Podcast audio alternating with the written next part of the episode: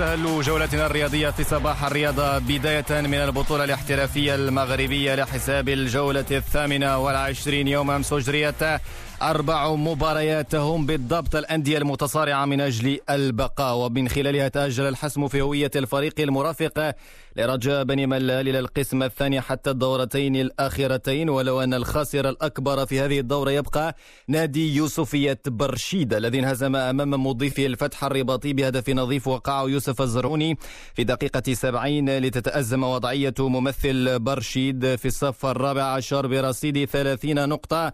في حين عزز الفتح الرباطي مركزه الرابع من جهة أخرى. نادي اتحاد طنجة اكتفى بنقطة واحدة من قلب آسف بعد التعادل مع الأولمبيك من دون أهداف ليرتقي فارس البغاز رتبة واحدة إلى المركز الثالث عشر بفارق ثلاث نقاط فقط عن أولمبيك خريبكا صاحب الصف ما قبل الأخير والذي تعادل سلبا مع مضيفه نهضة الزمامرة الأخير بات في الصف العاشر بثلاث وثلاثين نقطة وضمن نسبيا بقاه في القسم الأول وهو المركز الذي يتقاسمه مع سريع وزم المتفوق أمس على حساب الدفاع الحسني الجديدي بهدف نظيف.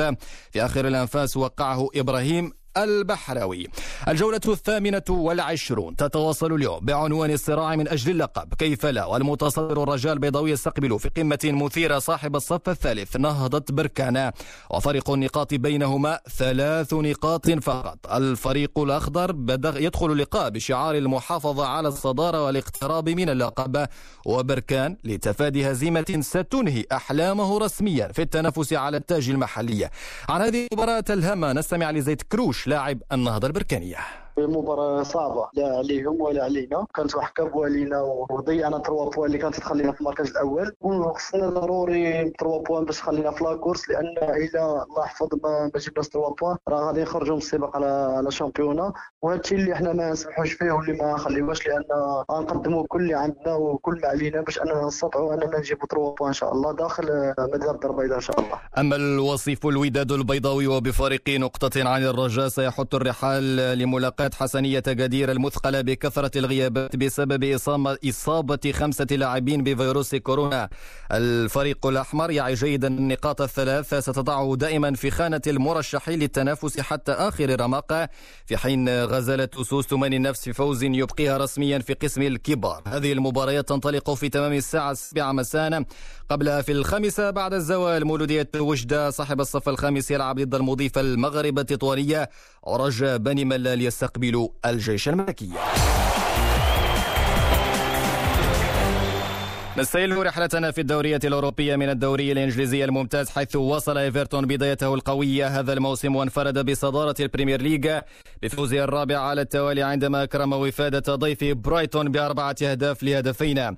في المقابل فرض ليدز يونايتد التعادل على ضيف مانشستر سيتي بهدف لمثله ليواصل السيتي النتائج المخيبة للأمال. من جهة ثانية استعاد تشيلسي توازنه واكتسح ضيفه كريستال بالاس برباعية نظيفة. قمة هذه الجولة اليوم ستضع مانشستر يونايتد في مواجهة ضيفه توتنهام.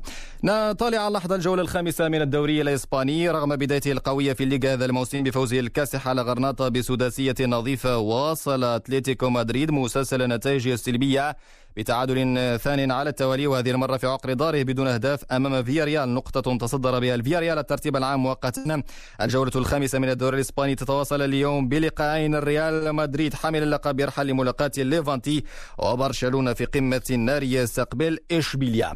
إلى الدوري الإيطالي لحظة ومنافسة الجولة الثالثة حيث انفرد أمس ساسولو مؤقتا بصدارة الكالتشيو بعد فوزه على حساب ضيف كروتوني بأربعة أهداف مقابل هدف واحد. وفي مباراة ثانية حقق روما انتصاره الأول هذا الموسم بفوزه الثمين على مضيف أودينيزي بهدف نظيف. اليوم في قمة هذه الجولة الثالثة يوفنتوس يستقبل نابولي ولاتسيو يلعب ضد الضيف إنتر ميلان. نختم جولتنا الرياضية من بطولة رولان جاروس لكرة المضرب لحساب الدور الثالث حيث وصل نوفاك جوكوفيتش إلى دور الثمن بعد فوزه أمس على الكولومبي دانييل إيلاهي جالان بثلاث مجموعات نظيفة ورافقه إلى الدور ستيفانوس تسيتسيباس ولدى السيدات تأهلت التونسية أونس جابر إلى ثمن رولان جاروس بعد تغلبها على البيلاروسية أرينا سابالينكا بمجموعتين مقابل واحدة وتنتظر أونس جابر في الثمن. الأمريكية دانيلي كولينز المتفوقة على الإسبانية غاربين موغوروثا.